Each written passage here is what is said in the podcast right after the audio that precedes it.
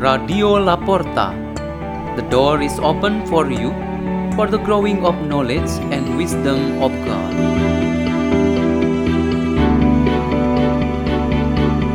By the La Porta collaboration, led by Peter Tukan, priest of the Salesians of Don Bosco.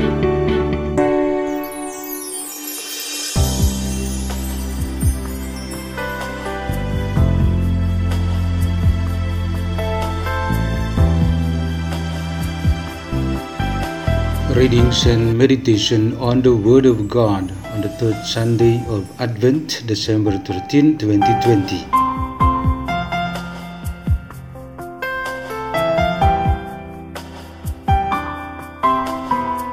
The reading is taken from the book of the prophet Isaiah. The Spirit of the Lord God is upon me, because the Lord has anointed me.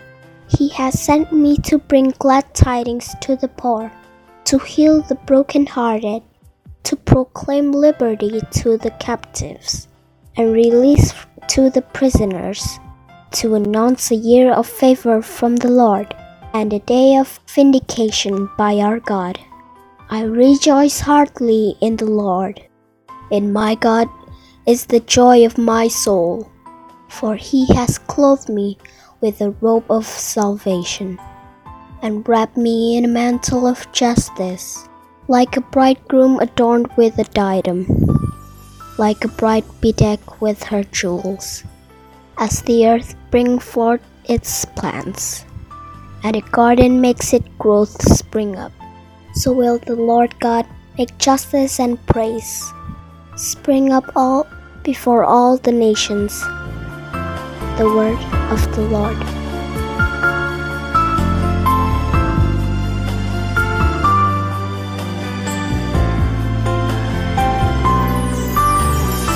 The reading is taken from the first letter of Saint Paul to the Thessalonians. Rejoice always, pray without ceasing. In all circumstances, give thanks, for this is the will of God for you in Christ Jesus. Do not quench the spirit, do not decide prophetic utterance, test everything, retain what is good, refrain from every kind of evil.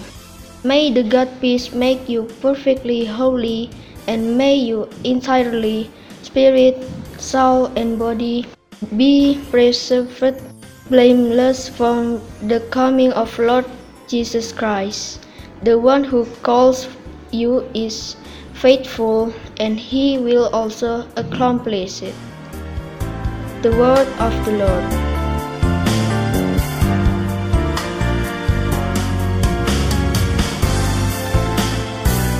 Holy Gospel according to John.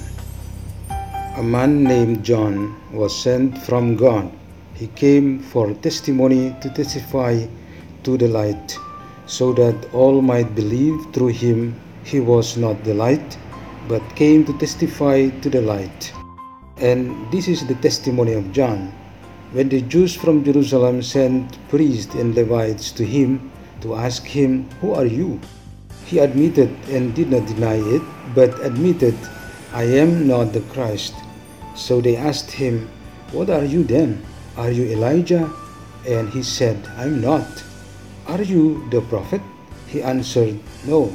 So they said to him, Who are you? So we can give an answer to those who send us. What do you have to say for yourself?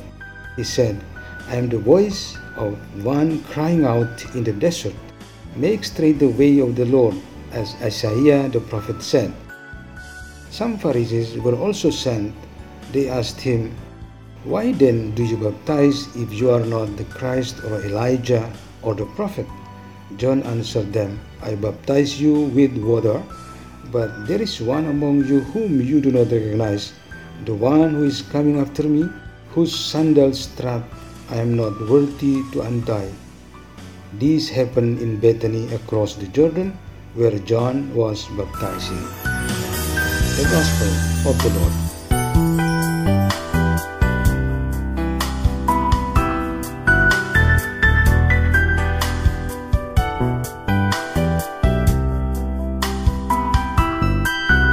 Our meditation on this third Sunday of Advent has the theme A Joyful Sunday of Advent.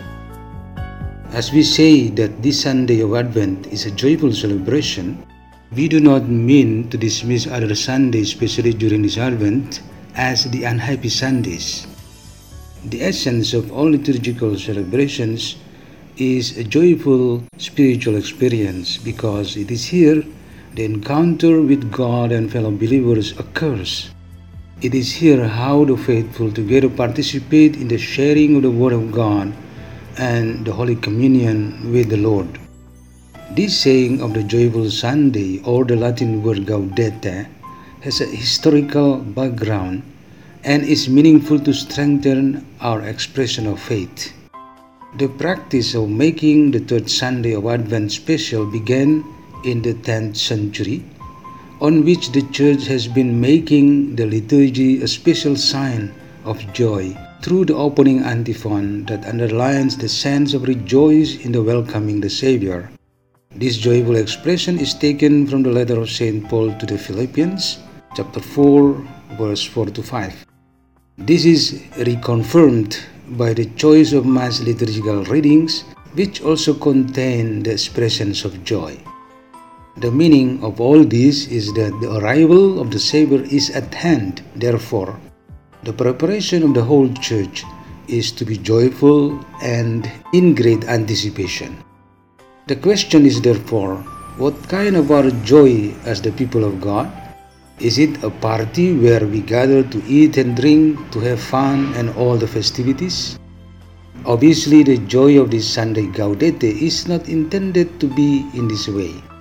The one to be welcomed by the whole church is Jesus Christ, the Messiah and Savior of mankind. Therefore, our joy is definitely spiritual in nature and meant for a renewal of life.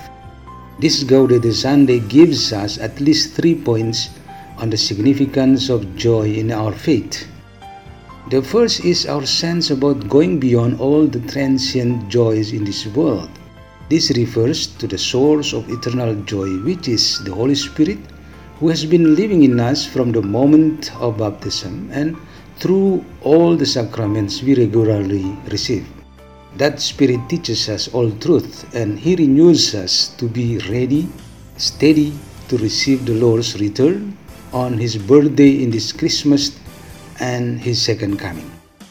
The second is on our faith to become stronger and more joyful if it contains true prayers and sense of gratitude. People who pray, give praise, and give thanks are the ones who rejoice. And the third is about the promise that is always proclaimed during Advent on the arrival of the light, our Savior. This light comes to meet us and illuminates our lives. This helps us to abandon our life in darkness and fear. Thus, we have these three important reasons to rejoice as we approach the celebration of this Christmas. Let us pray. In the name of the Father, and of the Son, and of the Holy Spirit. Amen. O Lord Jesus Christ, make us bearers of your words of truth and mercy Help us to be witnesses of joy to our neighbors. Our Father who art in heaven, hallowed be thy name, thy kingdom come, thy will be done on earth as it is in heaven. Give us this day our daily bread and forgive us our trespasses, as we forgive those who trespass against us. And lead us not into temptation, but deliver us from evil. Amen. In the name of the Father, and of the Son, and of the Holy Spirit. Amen. Radio La Porta. The door is open for you.